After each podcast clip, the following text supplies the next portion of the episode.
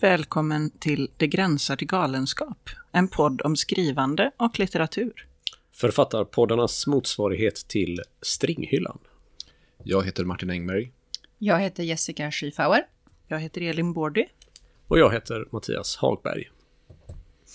Det har i Sverige under rätt många år pågått en rätt så infekterad debatt om vi behöver en litteraturkanon, alltså en sorts lista över de böckerna som en genomsnittlig svensk bör ha läst och kanske ha något slags förhållande till. Nu ska vi ju absolut inte ge oss in i den eh, ganska så tråkiga debatten, åtminstone inte den här gången. Eh, men jag tänker att alla runt bordet här har sin alldeles egna högst personliga kanon. Litteratur som betytt något alldeles extra för var och en av oss, romaner som kanske fått oss att se världen på nytt, som påverkat vårt sätt att skriva och tänka eller som bara fått oss att skratta. Och då har jag idag bett er att ta med böcker.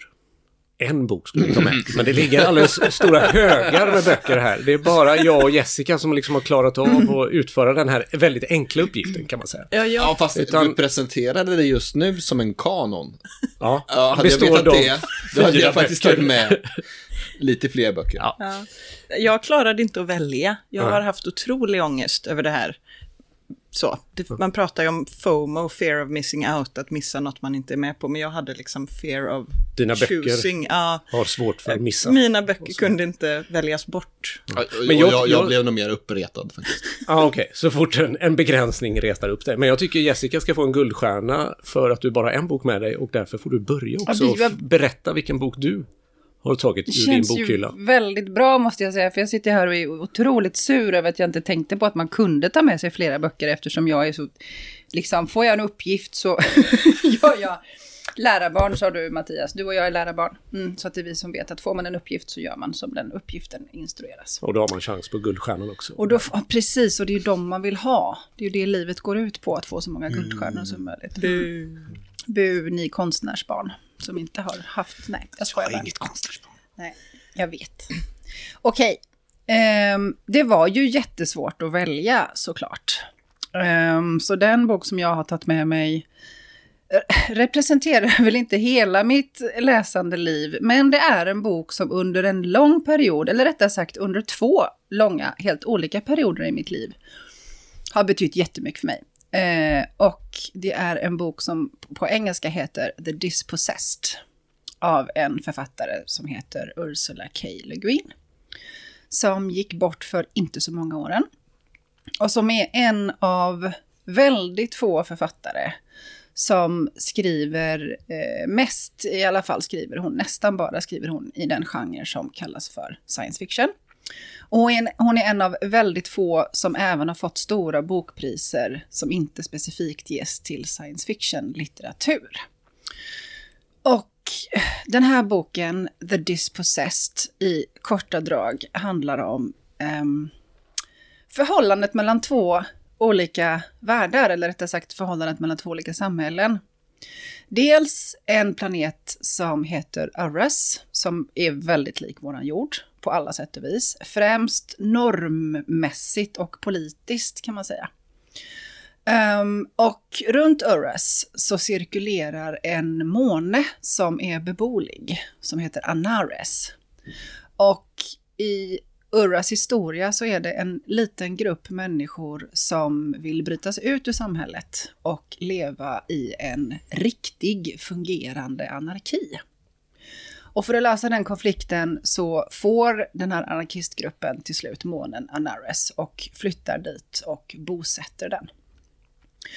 Och romanen börjar med att Shevek, en man som är en otroligt begåvad matematiker, kommer på någonting som kommer att lösa väldigt stora problem. Även för invånarna på Urras. Så han blir den första på 200 år, tror jag det är, som reser tillbaka från Anares till Urras. Och boken handlar i korta drag om en människa som har vuxit upp i ett anarkistiskt fungerande samhälle som möter en värld som påminner om våran jord. Där det finns kapitalism, där det finns ägande, där det finns eh, monogami, där det finns alkohol, en massa saker som han aldrig någonsin har träffat på. Ja, ska jag sluta där kanske så kan vi lyssna på de andra Nej, men du måste förslag. säga först varför du har valt den. På Ja. vilket sätt den har påverkat dig eller ditt skrivande eller så. Första gången jag läste den här boken så var jag i 17-årsåldern. Ehm, och under den tiden i mitt liv så läste jag nästan uteslutande science fiction. Och jag förstod väl inte då att den här boken, förutom att vara en väldigt genomtänkt science fiction-roman, också är så kallad stor skönlitteratur. Det tror jag inte jag fattade då. Eh, utan då var jag bara fascinerad av världsbygget, hur hon byggde ett språk, hur hon byggde upp liksom, eh, ja men hela livsstilen och alla normerna på den här anarkistiska planeten. Men sen när jag då för några år sedan fick för mig att jag också skulle skriva någon form av framtidsskildring, där jag också fick för mig att jag skulle skapa en värld, som sen blev romanen Bärarna som kom förra året då satt jag liksom i den sitsen att jag också ville skapa en politik och ett normsystem som på vissa sätt påminner om det som vi har på jorden idag. Men på vissa sätt så skulle det inte alls påminna om det. Och då återvände mitt minne och min längtan till den här boken. Så under de två sista åren när jag jobbade med bärarna mest intensivt, då läste och lyssnade jag på den här boken ja, men säkert åtta gånger sammanlagt. Liksom. Både för att jag ville göra någonting som var lika bra som det som hon hade gjort, vilket jag inte alls känner att jag lyckades med, men det blev å andra sidan någonting helt annat. Och också för att jag tycker att hon gick i några fällor som jag ville undvika. Får du nämna en fälla? Ja, Tigerfällan.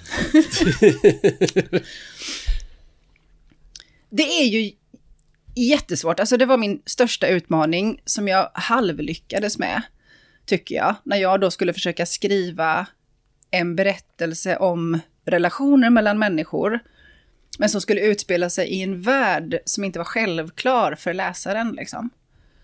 Hur får man då in... Hur får man in hur världen fungerar genom ögonen på en person som har levt i den här världen hela sitt liv utan att det blir väldigt konstruerat. Liksom. Um, och jag kan inte riktigt ge några exempel så här direkt ur The Dispossessed, där jag tycker att det skaver lite, lite. För om det är någonting med den här boken som är helt briljant så är det att det väldigt sällan skaver. Alltså jag tycker att hon lyckas med det så himla, himla bra. Men några ställen, till exempel när hon beskriver relationen till språket, som också var en stor utmaning för mig när jag jobbade med bärarna, där jag också ville att språket skulle ha genomgått vissa förändringar, hur man pratar om, om saker, liksom ord som har blivit belastade med skräck eller oro eller obehag, hur man liksom tar ut dem ur språket och ersätter dem med någonting annat. Men på vissa ställen så tycker jag nog att Ursula K. Le Guin lite grann, och hon faller i den här fällan som är så lätt att falla i. Titta här, kära läsare, vilken smart konstruktion jag har gjort. Mm. Och så behövs den inte riktigt för den relationella berättelsen. Jag hade klarat mig utan den förklaringen. Men ändå så måste hon peta in den på några ställen. Liksom. Men de är få. De är mycket få, de ställena. Jag har ett sidotips till det här som jag lite så här tvångsmässigt måste haka på. För jag gör det alltid när jag, det här temat kommer upp som du pratar om nu. Mm. Det finns nämligen en, en essä av Lars Jakobsson som Mm. finns i en samling som heter Stjärnfall. Den har jag läst. Du har läst den? Som, där han just pratar om det här med att eh, skriva, eller liksom tala med den skapade världens röst. Och det är ju lite grann det du handlar om, ta, talar om, att eh, allting måste liksom uttryckas som att eh, även mottagaren befinner, befinner sig i den här världen och inte utanför den helt enkelt. Kan man Precis. väl kortfattat. Det är en mycket läsvärd Ja, essä. jag läste faktiskt hela den essäsamlingen, Stjärnfall, Ja, när jag eh, höll på med, med bärarna och, och fick många insikter. Ehm, man, kan, men, man kan nämna att de andra författarna är Ola Larsmo och Steve Sam- Sandberg. Då. Det är mycket möjligt. Jag minns faktiskt inte några författarnamnen. Jag minns bara vissa så meningar från de essäerna som var så här, wow, ja, just det, liksom. Men jag minns eh, ett exempel från, om man ska relatera till då varför den här boken var så viktig för mig. Ett ställe där jag verkligen så försökte gå tillbaka och se, what would Ursula have done, liksom det var ju när jag skulle försöka beskriva hur man går på toaletten. I en värld där ett toalettbesök helt enkelt, ja men går till ungefär som för oss, men inte riktigt liksom. Inte 17, när vi går på toaletten så berättar ju inte vi för liksom, vi reflekterar ju inte över att vi drar i en, i en spak och då så finns det vatten i en behållare och det här vattnet spolar ner i en skål och tar med sig det man har gjort i toaletten ut i ett avlopp. Alltså det, vi bara går på toaletten liksom.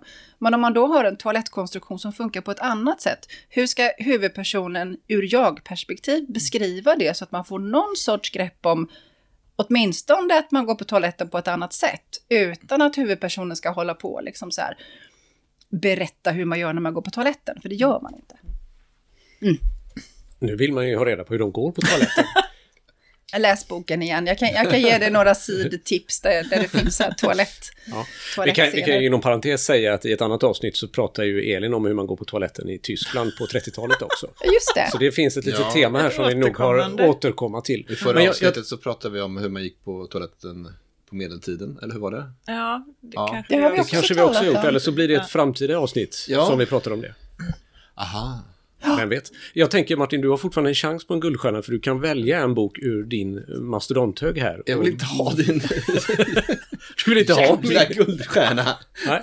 Nej, men jag, jag, däremot så tänkte, jag känner att jag, att jag har, eh, kanske behöver förklara mig lite grann. Ja, Ja.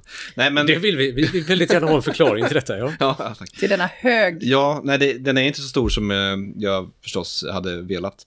Men, eh, ja, men det hade lite grann med att göra hur jag uppfattade hur jag skulle kunna besvara den här frågan överhuvudtaget. Som, ja, men hur det man har läst har påverkat det man skriver på något sätt. Eh, och jag tänkte att din, din introduktion var mycket öppnare än uppgiften du gav oss. Eh, att Det är så jag jobbar, Ja. med lite dubbla budskap för att skapa lite Så nu är du osäkerhet. ännu argare Martin. Ja, nu är jag ännu argare som ni hör.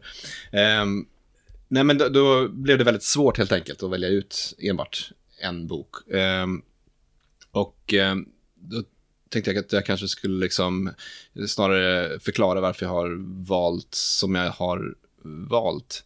Eh, och jag, för jag tänker att ja, men grundgrejen är ju också att ja, men det är inte boken som är det viktiga, utan det är biblioteket. På något sätt. Det är ju det, mer den relationen som man är ute efter. Man ska, att man liksom läser väldigt många olika böcker och står i relation till dem. Eh, och där är ju liksom både en styrka och en svaghet. På ett sätt tyckte jag att det hade varit skönt att kunna säga så här, ja men den här boken har betytt jättemycket för mig. Det är ju självklart att det är den här boken. Eh, jag kan tycka att jag alldeles för ofta läser saker som jag skulle vilja svara mot litterärt, men man skriver ju så pass långsamt att man kan inte göra det hela tiden. Eh, och under arbetet med en roman så kan man ju läsa typ i alla fall tio böcker som man, ja men så här skulle jag vilja skriva. Och då kan jag ganska ofta falla in i att jag vill ta med mig någonting av det. Och ibland så gör jag det. Eh, Och ibland är det bra att jag gjorde det, ibland är det inte bra. Liksom. Men nu får du berätta vilka som ligger i högen här. Ja, eh, ja, men jag ska berätta lite olika här. Alltså, eh, en bok som är med här är Kapten Nemos bibliotek. Och eh, den och eh, en annan bok som är med mig här, som är William Faulkners Stormen och vreden, eh, tog jag med mig eh, av skälet hur jag liksom an- har använt de här i alla fall. Och kanske kommer använda dem i framtiden också. Och det är inte så att jag har läst de här jättemycket. Stormen och vreden, där kanske jag har läst första delen eh, ganska många gånger. Som är en eh, rätt så experimentell del av romanen, där man följer en person som ser världen på ett helt annat sätt och, och liksom förflyttar sig i tiden. Eh, på ett sätt som liksom, ja, han kan vara i 30-årsåldern i ena tillfället och barn i, i, i nästa och så vet man inte riktigt när man befinner sig var. Det växlar över ganska fort. Eh, och den andra eh, boken är ju eh, ja, men den här berättelsen om två barn som eh, har förväxlats och, och byts tillbaka så att säga. Men, eh, till sina så kallade ursprungsfamiljer. Eh, Men det här är böcker som jag mer så här haft som sagt, liksom, de har legat på skrivbordet, särskilt eh, Kapten Nemos bibliotek när jag skrev eh, Ta skada, eh, så var det en bok som fanns där, som jag ibland kanske tog upp och läste några meningar i som någon sorts liksom, riktlinje. Så, inte så att jag så här aktivt påverkat, men mer som att, ja men, en, en hjälp. Och lite grann så har eh, Stormen och vreden också fungerat som en så här inspirationskälla. För, och det, där har det väldigt mycket med språket att göra. Att han gör saker med språket som eh, gör varje mening spännande helt enkelt, tycker jag. Eh, och då kan har, jag, har jag använt det för att starta igång mig liksom ibland. Och jag har även haft perioder där jag har suttit och läst kanske så här, ja men något stycke innan arbetspasset och så, så har jag satt mig och skrivit.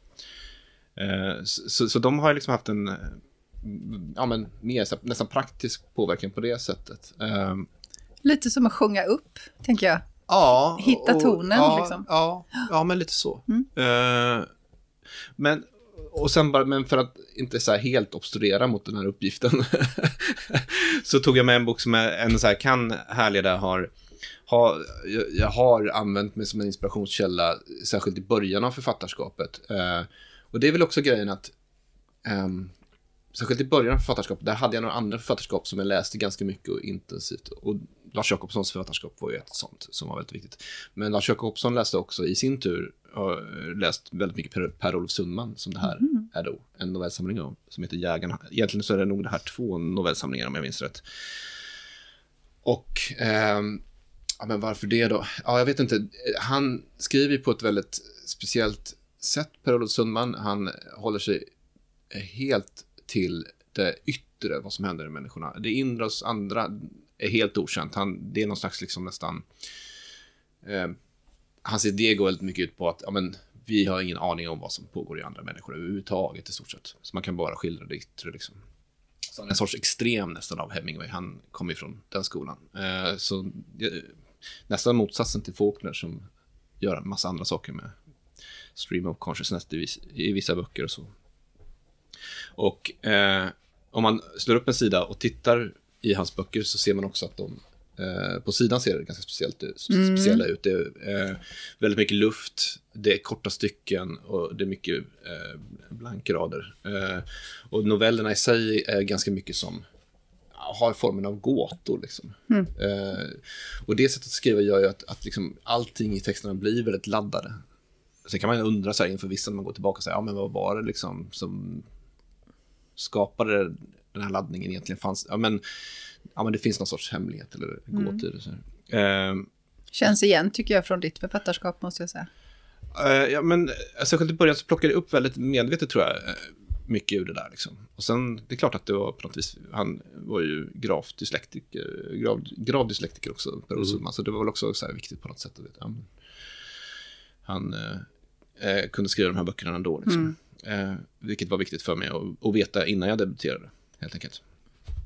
Eh, ja, så det var väl, och sen tog jag med en an, annan bok, för jag tänkte så här, ja men varför, lite också bara för att jag fick med gubbar bara, men eh, eh, ett författarskap som är så här, in? Ja, nej, men, men mer så här, det här var liksom eh, lite ehm, det förflutna och sen nu tänkte jag så här, ja, men vart är jag på väg? Och ett Mm. författarskap som jag tror jag kommer återvända till mer och låta mig inspireras kanske av på samma sätt som har liggande bredvid är ju Agota Kristoff. Mm. Eh, som är ett författarskap som också har en eh, stark laddning och som är nog lite svårt att, att beskriva, men det finns en väldigt mörk underton och eh, absurdism i det realistiska också. Eh, men varje gång jag försöker beskriva hennes författarskap så går jag bet. Men eh, jag tog med en av hennes, eller inte en av hennes senaste, en av eh, de böcker som senast har blivit översatta till svenska av henne, som heter Igår, eh, som en kort liten eh, mörk pärla till roman. Som eh, jag inte ska gå in på så mycket mer nu, men eh, bara för att ha, ja, full, fullfölja den där linjen om eh, författarskap som har påverkat mig och som jag tänker kanske kommer påverka mig. Jag tycker han får en guldstjärna i alla fall. Ja. Han vill ju inte Så ha drar vi den. in honom i familjen i alla fall här liksom. Ja, men ni är så Ska ni snälla. pracka på folk guldstjärnor som inte vill ha guldstjärnor? Det skulle de inte gilla på anarkistplaneten Anares, kan jag säga. Guldstjärnor? Nej. Nej. Och särskilt inte att ge guldstjärnor till folk som inte vill ha några. Nu, blir Ursula postumt upprörd, kan jag känna. Ja, Jag det kanske såg kan få en kaststjärna. det kan du få. Elin då? Ja, Vad har jag, du som inte heller, jag som inte heller kunde välja. Jag har tre böcker i min hög. Eh, och jag tyckte det var väldigt skönt att höra dig säga det Martin, att det är biblioteket man vill åt och inte boken. Jag stod framför min bokhylla hemma och liksom den här kanske, eller den här kanske, eller de här, eller det här. Och det är olika saker jag har läst i olika perioder och vid Mm. olika böcker. Och liksom, så. Så, du, alltså, hörni, det där är nästan en idé till ett avsnitt, att vi går hem till varandra och besöker varandras eh, bokhyllor. Och Gud vad roligt. Det Ja, gör ja. vi. Ja, Det det gör vi en Ja, annan gång. Gång. Ja, Utmärkt. men så då, sen så plockade jag, så visste jag inte, ska jag bara ta böcker som jag tyckt riktigt, riktigt, riktigt mycket om, eller hur ska jag tänka? Ehm, men jag har valt tre stycken. Jag tror att man kan se någon typ av, kanske är det tre olika eh, förhållningssätt på något vis. Jag har valt Roy Jacobsens De osynliga. Ja. Eh, som är en super, super bra bok som jag har tyckt mycket om. Läst flera gånger. Ehm, första delen i en trilogi som utspelas i nord, absoluta Nordnorge på en liten ö som heter Barröj och handlar om familjen som bor där som också heter Barröj i efternamn. Eh, den börjar 1913 och håller på fram till sent 20-tal. Eh, och huvudpersonen är väl dottern i familjen Ingrid kan man säga. Eh, och den är väl ganska speciell för att det är ganska korta stycken. Eh, väldigt fokus på de praktiska göromålen och det konkreta i livet och händernas ja, men hu- hur man lever på den här platsen samtidigt som en mycket större berättelse utspelas där. Eh, och jag tycker att den är fantastiskt fin, ett fantastiskt språk och en fantastisk... Jag tänker att det som drar mig till den och lockar mig med den är ju att den är så spännande fast det händer så lite. Mm.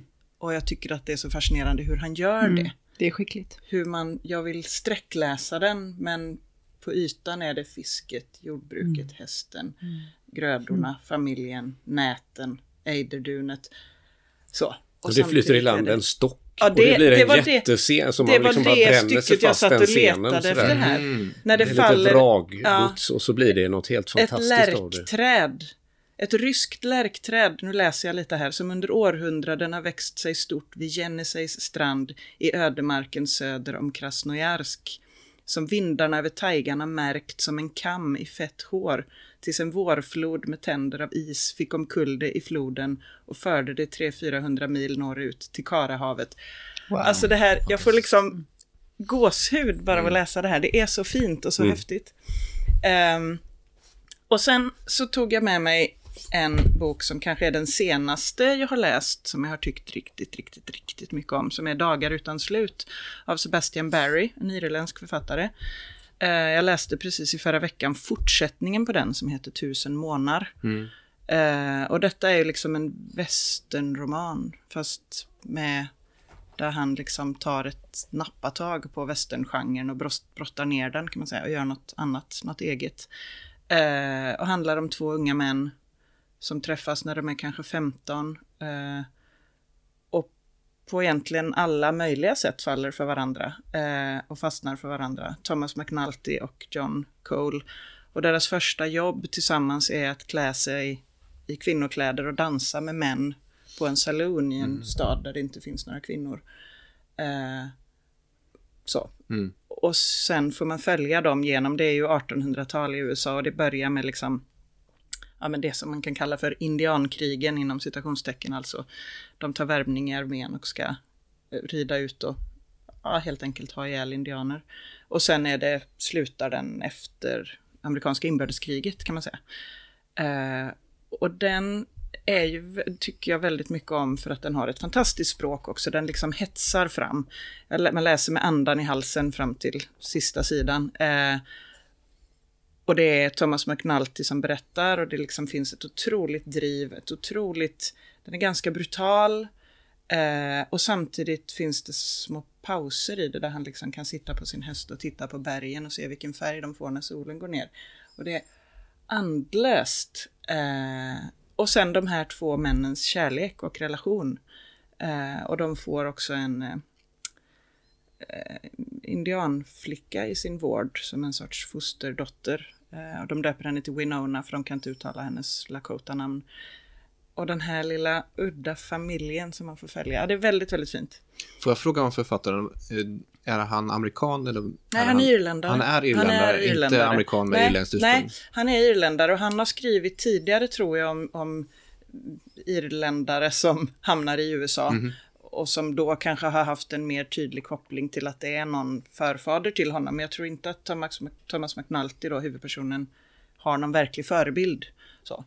Eh, men eh, det finns väldigt roliga stycken om irländare här. Där de han skriver om irländare i amerikanska eh, armén. Um, men, och sen den sista jag tog med mig är en helt annan bok. Det är Maja Lundgrens Pompeji. Eh, som liksom för mig är på något sätt en dröm eller ett mål eller en riktlinje för så här kan man också skriva en historisk roman. Mm. Så. Eh, den är helt fantastisk. Den är lite mer karnevalisk. Den är otroligt karnevalisk samtidigt som den är brutalt välresearchad. Jag tror att hon har på fötterna för typ allt, förutom att hon liksom hittar på en talande vulkan och en förrymd tiger. Och en, men man fattar att mellan allt det så finns det också en otrolig, alltså hon placerar ju personer i hus och det är ju baserat på saker man har hittat i de här faktiska husen i Pompeji. Och den är så rolig och den är så skruvad. Och samtidigt är det ju riktiga personer. För mig är det häftigt att den är vansinnigt rolig och karn- karnevalisk. Men jag bryr mig om personen när jag läser den. Den är inte bara trams. Det är trams, men det är också riktiga människor. Jag tycker det är, alltså här skulle jag vilja kunna skriva. Och så kan man tänka sig att, den, att det också ligger ganska nära någon sorts historisk verklighet eller någonting. För det var klart att det var tramsigt på den Ja, tiden också. ja. Pompeji är fullt av bordeller Ja. och snuskigt klotter och såna här saker. Det, Ja, ja visst, det är penisar på varenda gathörn. Det är klart att det var trams. Och det finns ju med genomgående liksom att Pompeji är en liten snuskig håla in i Apelbukten. Ja. Alltså det är ju, men, men det, det och, och jag ser ju att jag försöker skapa någon sorts helhetsbild här med de här tre böckerna. Och det kan ju vara en total efterhandskonstruktion, men jag tyckte ändå att när jag väl hade tvingat mig att göra det lilla valet så fanns det något. Men jag, jag har precis som dig också Pompeji som någon sorts så här, nästan som en målbild, att så här skulle man kunna göra. Men samtidigt är det att den nästan ställer sig i vägen för att det är så himla bra. Ja, och det är så ja. himla, man vågar inte, liksom, det känns som man skulle göra en sorts eh, kopia Den om man skulle gjord. försöka närma sig Ja, den hennes är sätt att skriva. Precis, nej men precis. Men, det, men för mig blir det också lite någonting om att, att den är, det är väldigt befriande rent språkligt. En mening som jag liksom inte kan hitta nu, men som helt enkelt är, det finns prylar som liknar grejer. I början av den när hon ska beskriva hur Pompeji är och ser ut. Och man bara, ja, Det just finns det. en helt otrolig frihet i det ju. Ja, Det är ju underbart att bara slänga ur sig det och så Ja, passar visst. det in Ja, sen visst. i texten. Mm. Ja, och de bär omkring på ett eh, solur som går fel också. I början. Det visar fel. Det är väldigt Det problematiskt. Ja, ehm, men ja, det var mina, min hög. Och du Mattias, Ja, nu är det jag då. din bok ligger du upp och ner på så ingen av oss har sett vilken det är. Då är det En biodlares död av Just Lars det. Mm. Gustafsson. Eh, som när jag gick på gymnasiet i början på 90-talet så hade vi en liten lustig, liten ska jag inte säga, men en, en lustig eh, och väldigt bra filosofilärare. Som, han var anarkist på riktigt eh, och brydde sig inte så mycket om eh, att följa kursplaner och sådana saker. Han brukar sitta och läsa högt för den här ur oss, för oss istället för att ha lektioner. Men det är liksom en så här, det var ju egentligen fantastiskt smart för det är en otroligt filosofisk roman. Eh, som är en helt banal historia på sätt och vis. Det är liksom... Upplägget är att det här är de efterlämnade dagboksanteckningarna efter en frånskild träslöjdslärare i Västerås som har flyttat ut på landet och är ganska bitter och ensam eh, och sitter i, i ja, men precis liksom där odlingslandskapet tar slut i Västmanland och har köpt sig ett torp och har börjat odla bin istället, eller göra honung. Eh, och så får han cancer. Och så är det här hans sista år medan han dör. Och han vägrar att och, mm, eh, behandla sig eh, och antecknar allt mer märkliga saker. Och han träffar på några små killar som han börjar skriva små science fiction-historier till. Eh, som, är, som är otroligt flummiga små korta berättelser i denna. Eh, och på något sätt är det så här om att eh, liksom all så jättepretentiös europeisk litteratur har handlat om eh, de stora svåra frågorna och existensen och sådana saker och det har varit, varit eh, väldigt allvarligt och så. Så kommer Lars Gustafsson och kastar in en, en bitter trä, frånskild träslöjdslärare från Västerås och gör det så himla mycket bättre på något sätt. Liksom. Här är verkligen eh, livet och döden, fast det är också väldigt roligt och lite knasigt och lite fånigt och han, han funderar på, han är sur på sin fru och sådana här saker. Och det blandas liksom ja, men väldigt eh, små djupsinniga iakttagelser med de mest vardagliga små, små saker. Eh, bland annat så låter det så här på ett ställe kan man ju ta. För han då gör, eh, liksom, han får ju mer och mer smärta, den här mannen, utav sin cancer. Eh, och till slut så kommer han fram till att paradiset måste bestå i att en smärta upphör. Men det betyder ju att så länge vi inte har några smärtor lever vi i paradiset. Och vi märker det inte. Lyckliga och olyckliga lever vi i samma värld och de ser det inte. Mhm.